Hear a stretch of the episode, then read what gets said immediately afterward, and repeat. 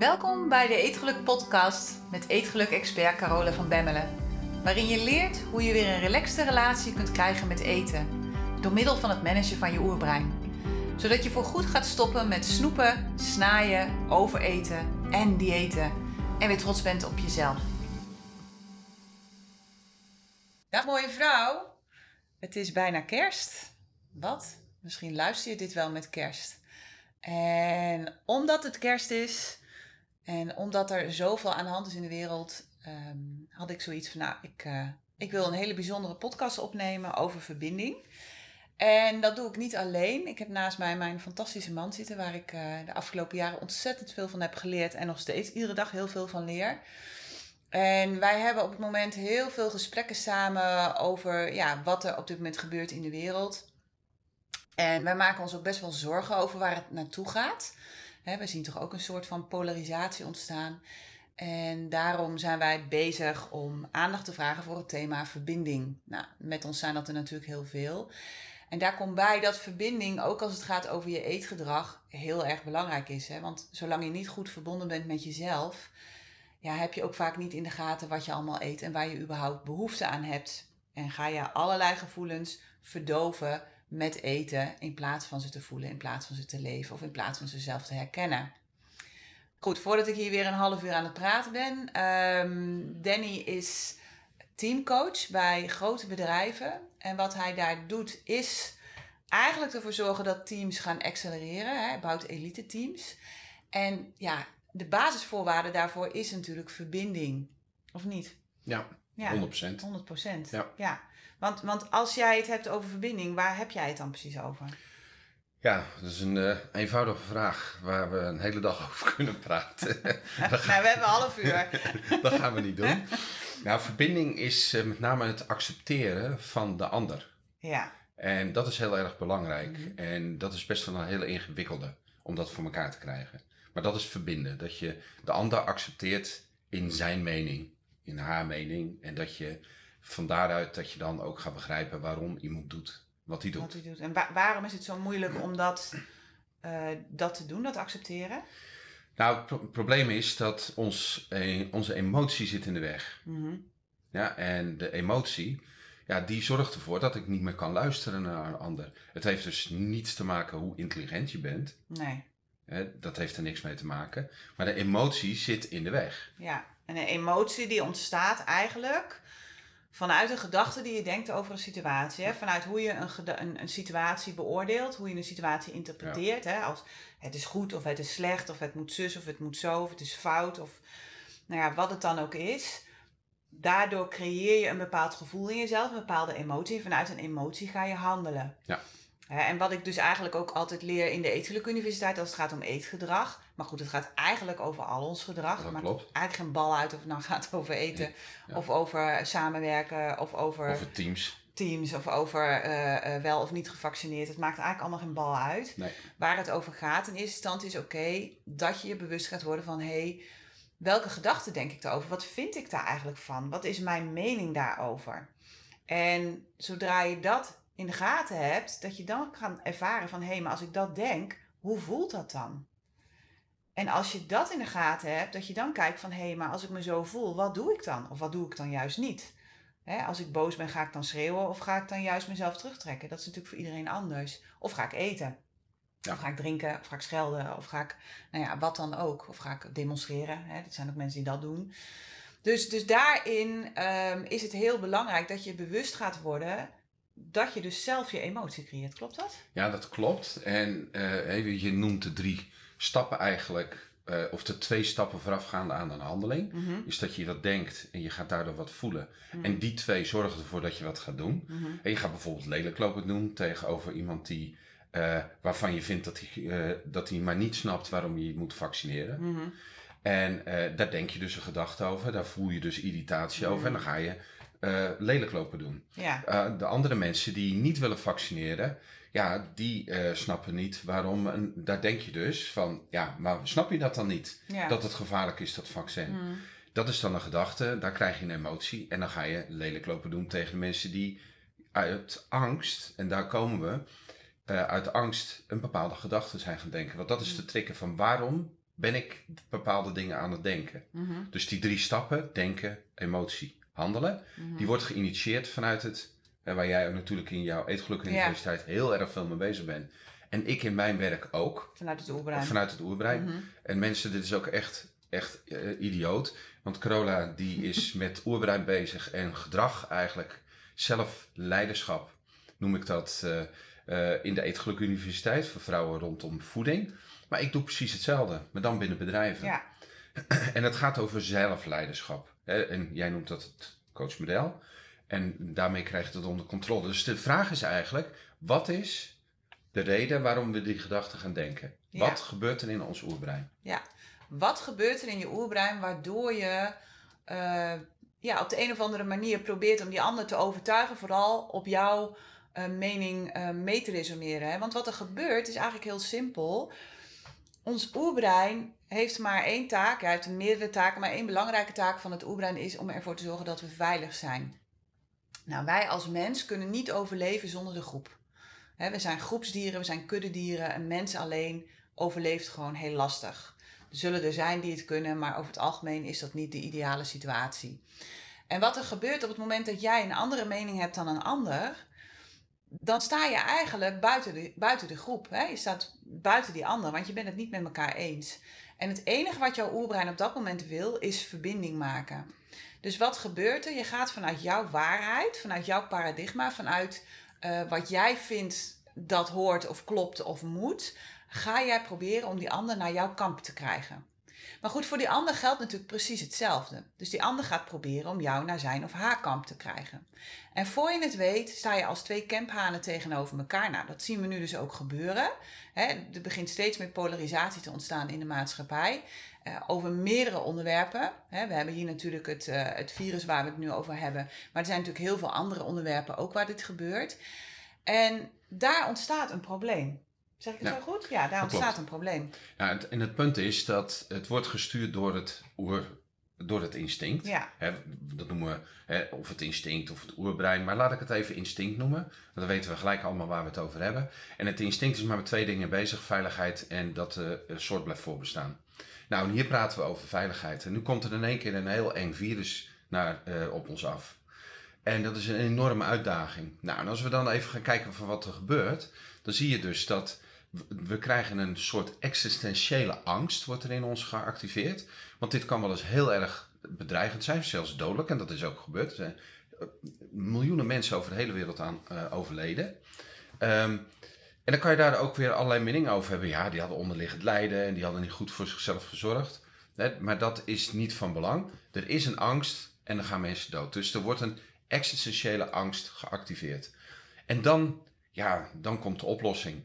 Dan is er in één keer is het, het bericht dat we in staat zijn een nieuw vaccin te ontwikkelen. Nou, en dat vaccin, dat komt dan, nou, als ik even tussen Corolla en mij kijk, dan zie ik dat ik een beetje hoopvol was. Corolla die was wat bedachtzamer ten aanzien van het. eh, Ja. dus, dus wij hadden al discussies over, is dat nou wel of niet? Met andere woorden, wij hadden ook al, als we niet opletten, eh, eh, konden we uit die verbinding raken.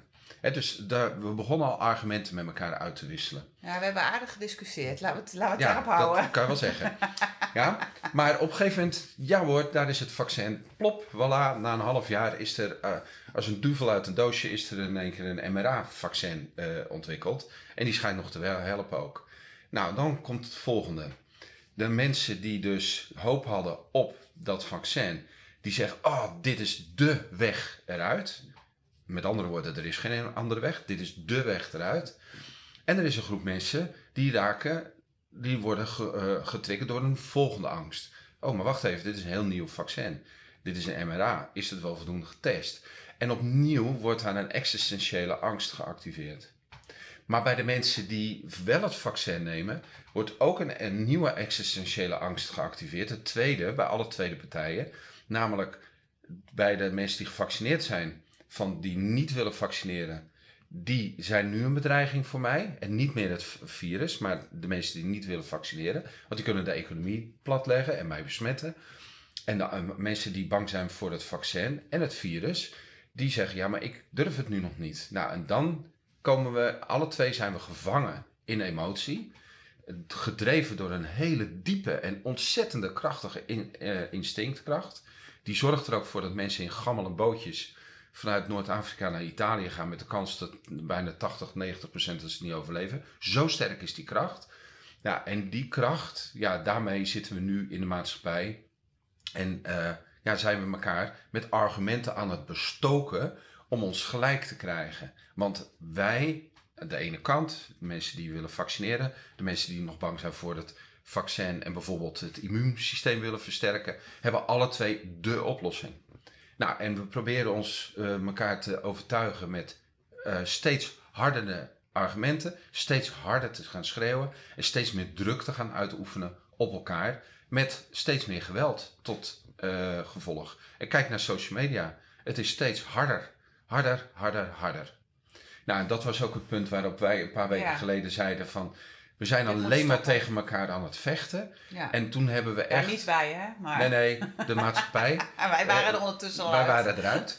maar we, de maatschappij is tegen elkaar aan het vechten, tegen elkaar aan het vechten. En laten we het eens omdraaien. Laten we gaan vechten voor. Ja. Nou, dat hebben we genoemd samen vooruit. Ja. daar zit het woord voor in. En het zit het woord samen in en verbinding. Samen groot geschreven. Samen vooruit. Ja, en ik, ik heb natuurlijk ook de afgelopen weken al voor de mensen die mijn nieuwsbrieven ook lezen.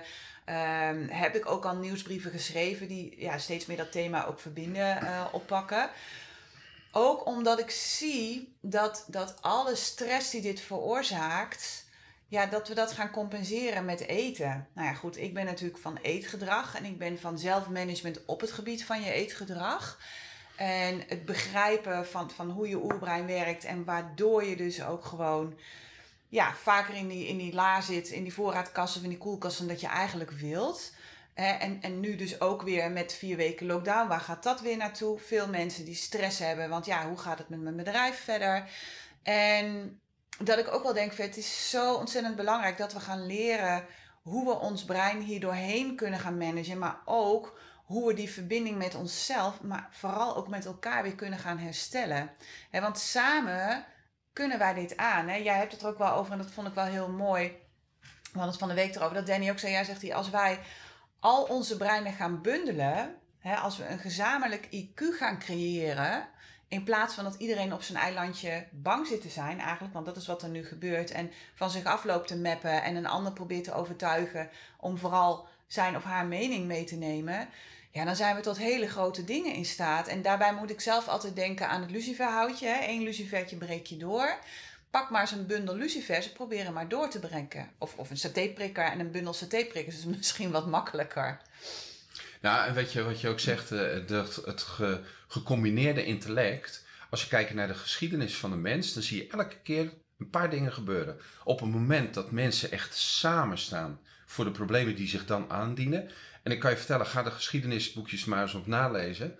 er zijn zoveel bizarre voorbeelden in de geschiedenis van de mensheid waarbij we dingen hebben weten te meesteren die echt, dat je denkt, oh, dat is echt mind-blowing.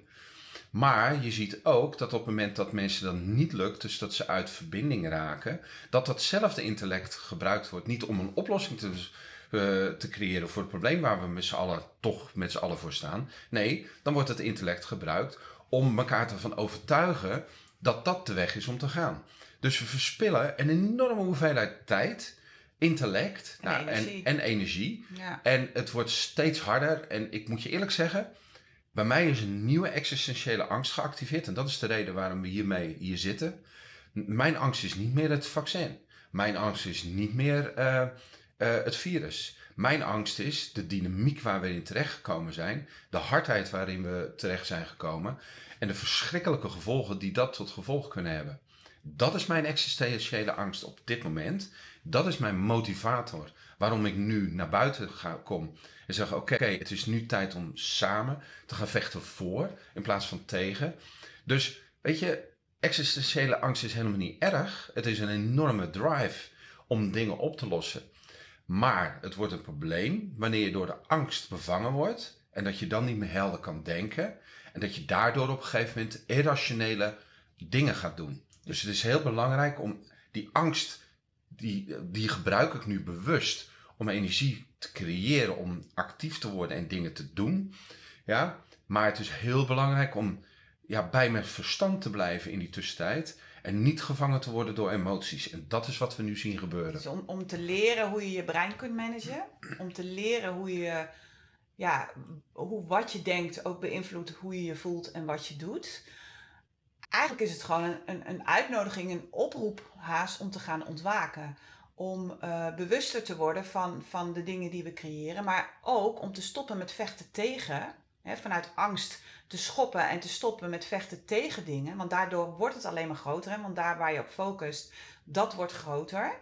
Nou, en als je vecht tegen iets wat je niet wil, en dat is met kilo's natuurlijk precies hetzelfde. Als je maar blijft vechten tegen die kilo's, dan blijven ze gewoon vrolijk zitten. Ja. Maar als je gaat focussen op waar je naartoe wilt, hè, dat je je angst gaat gebruiken om te vechten voor een nieuwe wereld, om te vechten voor een nieuw leiderschap, om te vechten voor elkaar, voor verbinding. Ja ja, dan creëren we gigantisch veel energie in een richting. Uh, ja, dat, dat kent volgens mij zijn weergaan niet. Nee, dat uh, klopt. En je noemde net even het woord ontwaken. Uh, het, het, het, dit is niet spiritueel bedoeld. Kijk, op het moment dat je bevangen bent door angst, ja, neem je eigenlijk niet de wereld heel door een soort koken waar. En je ziet het ook bijvoorbeeld bij ehm, Peter R. Vries, die heeft dan mensen uit de gevangenis gehaald, omdat dan de regisseurs een kokenblik hadden ontwikkeld en gewoon andere dingen niet meer konden waarnemen. En dan ben je dus niet wakker. Ja, dus op het moment, en dat zie je nu aan alle tweede kanten, zie je dit gebeuren. Je ziet het aan de uh, mensen die voor het vaccineren zijn, zie je het gebeuren. Die hebben een kokenvisie ontwikkeld. En ons brein werkt nu helemaal zo dat hij dan automatisch informatie die niet voldoet aan het paradigma uh, waar je op dat moment in zit, dat hij die eruit filtert. Ik weet niet of jullie dat wel eens gezien hebben, gehad hebben. Maar op het moment dat je bijvoorbeeld een auto wil kopen of een fiets. Ik ben een man, dus ik denk dan gelijk aan auto's. en Corona waarschijnlijk aan jurken. Ja, ja zoiets. Ja. Zoiets. Jurken, schoenen. Ja. Schoenen. Ja, dus, maar dan in één keer zie je overal dezelfde auto rijden. Hmm. Nou, dit is het mechanisme wat ervoor zorgt dat we in een soort wederzijdse verkokering komen.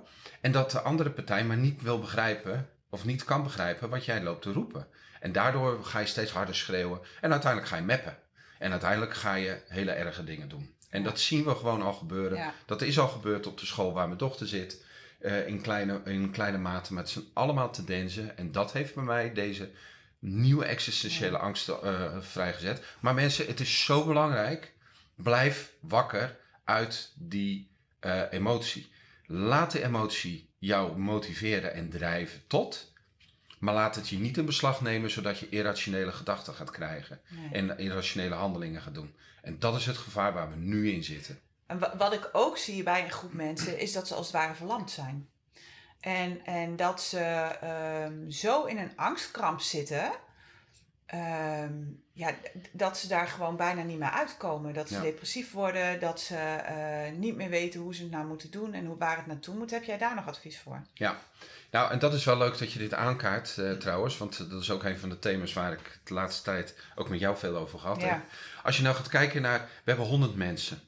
En van die 100 mensen, uh, het, het, instinct kent een paar manieren om te reageren. Dat is vluchten, dat is vechten of dat is bevriezen. Als we gaan kijken naar percentages, ik ben daar geen wetenschapper in, dus dit is even voor mm hè, op goed Nederlands argument sake, hè, dus dat we het even over kunnen discussiëren. er is, stel dat er is 10% van de 100 mensen, 10 mensen die vluchten.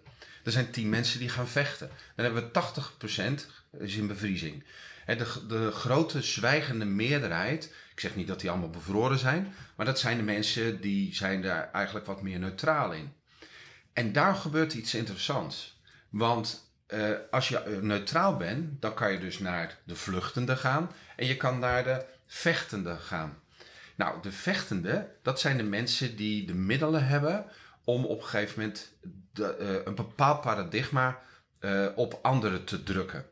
En dat lijkt vaak, want die paradigma's kloppen altijd. Die zijn altijd steekhoudend. Ja, voor alles is een bewijs te voor vinden. Voor alles is een bewijs te vinden. dingen linksom uitleggen of rechtsom. En rechtsom. Voor het niet vaccineren zijn legio bewijzen en voor het mhm. vaccineren zijn er net zoveel. En welke waarheid is nu de waarheid? Ik weet het niet.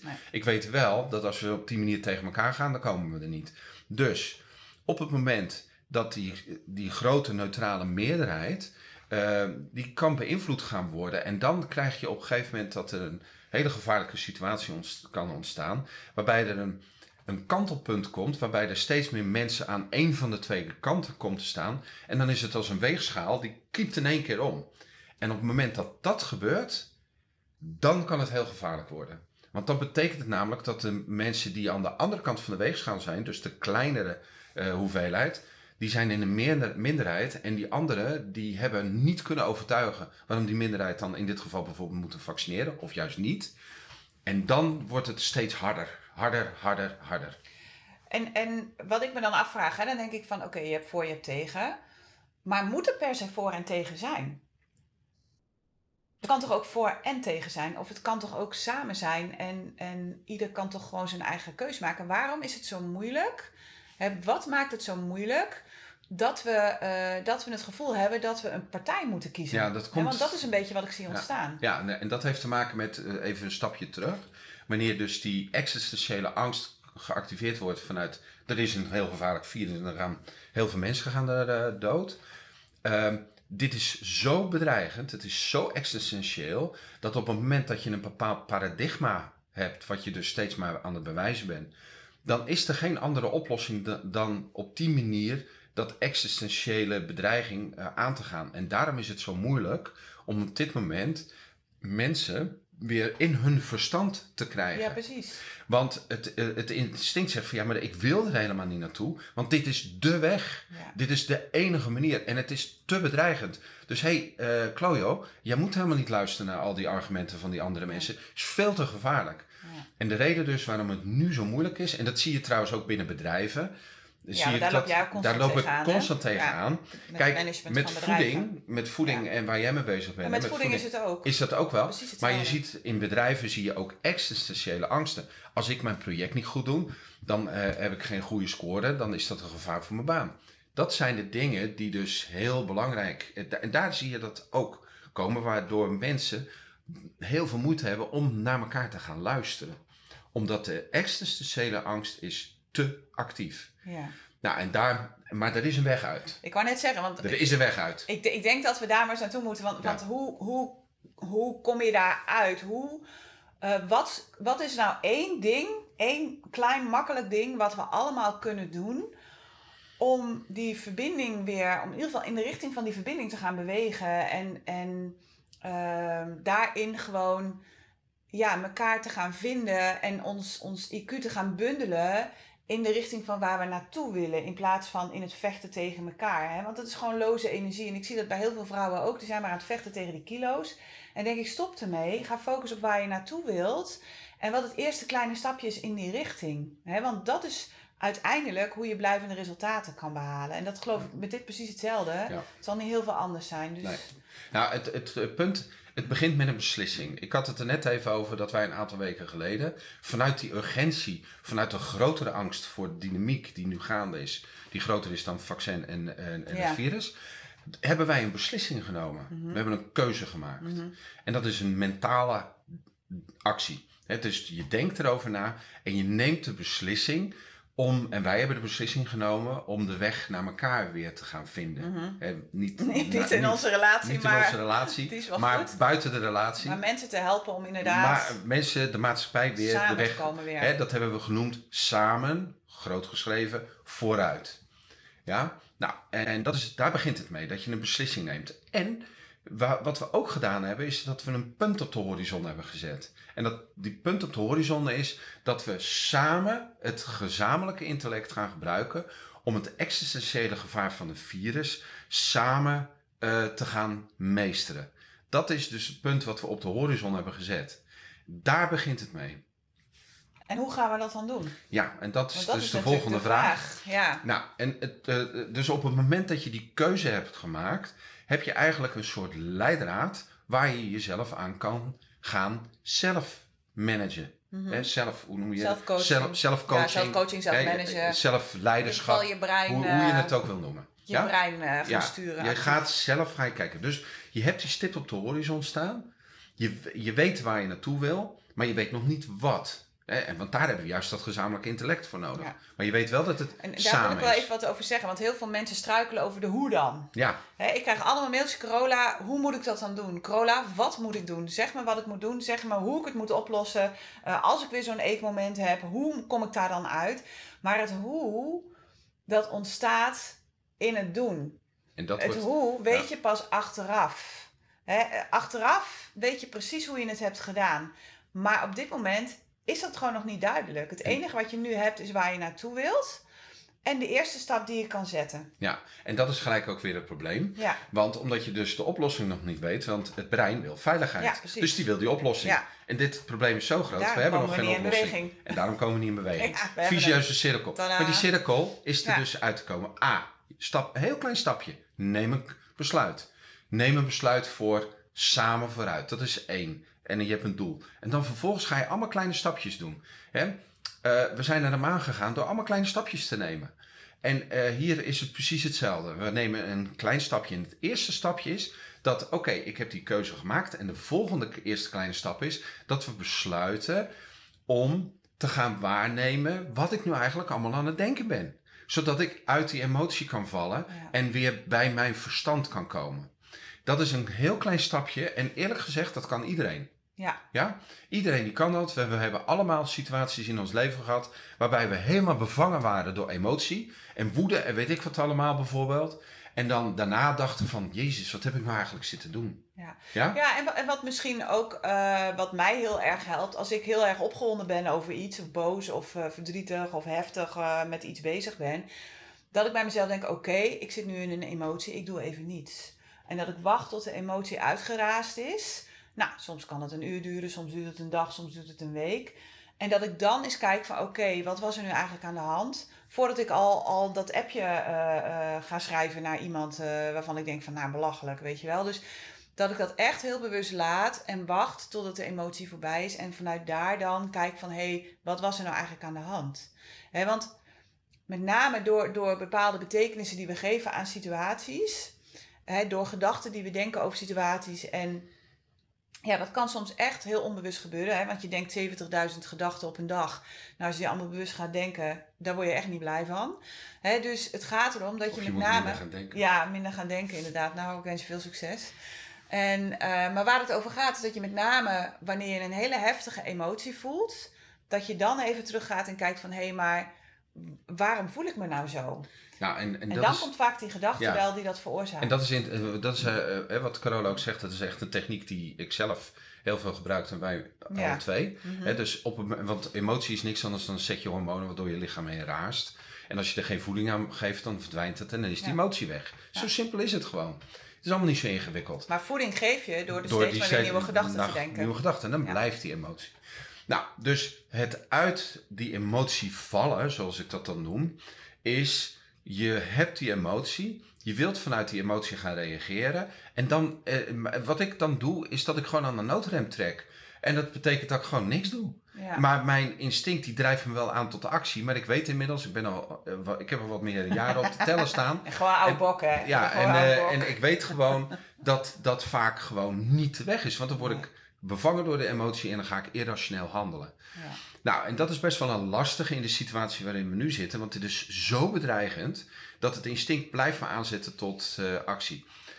Eén puntje wat ik nog wil noemen.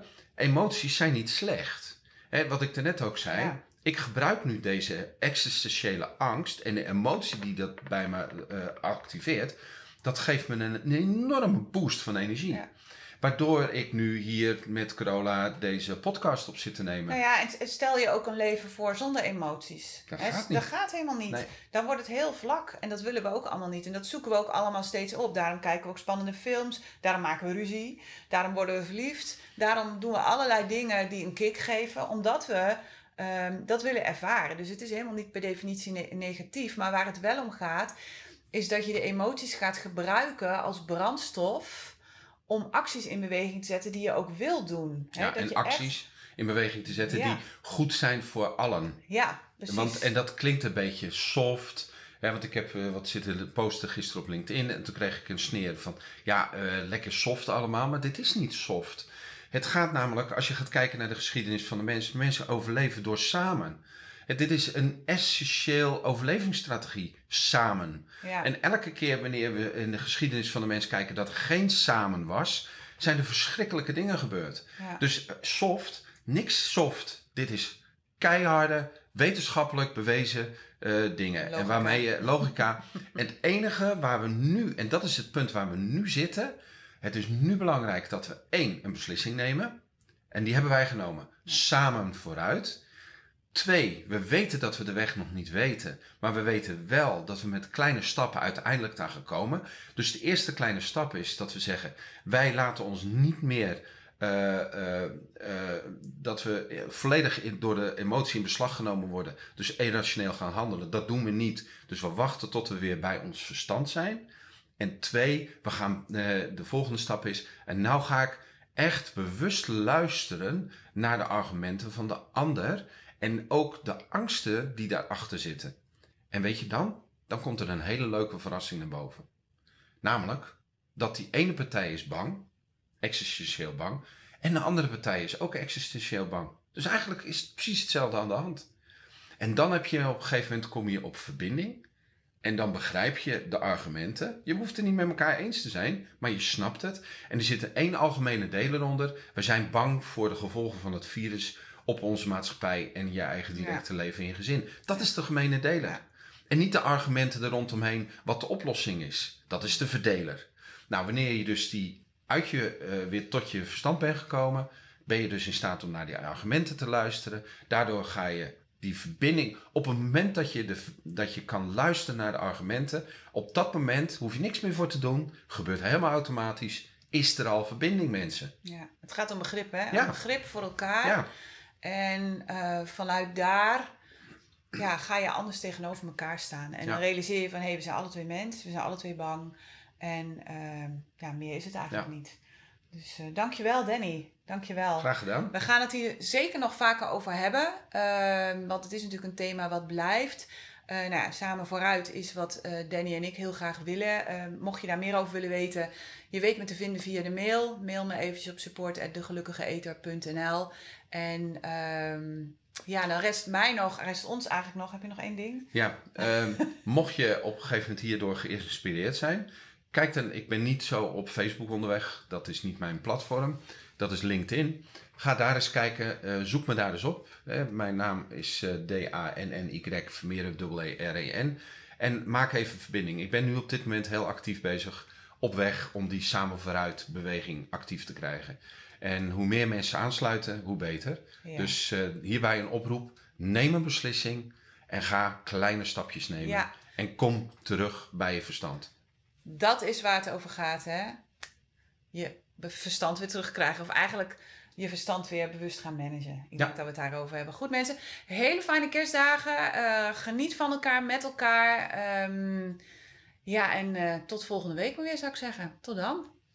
Tot dan, fijne dagen. Hey, als je het fijn vond om naar deze podcast te luisteren, kijk dan eens naar de Eetgeluk Universiteit. Dit is de Netflix op het gebied van eetgedrag, waarin ik dieper inga op alles dat ik deel in deze podcast. En waarin ik je leer hoe je dit kunt toepassen in jouw leven. En misschien wel het allerbelangrijkste, op jouw eetgedrag. Je vindt alle informatie op degelukkigeeter.nl. Het lijkt me super om jou daar te zien. Tot daar.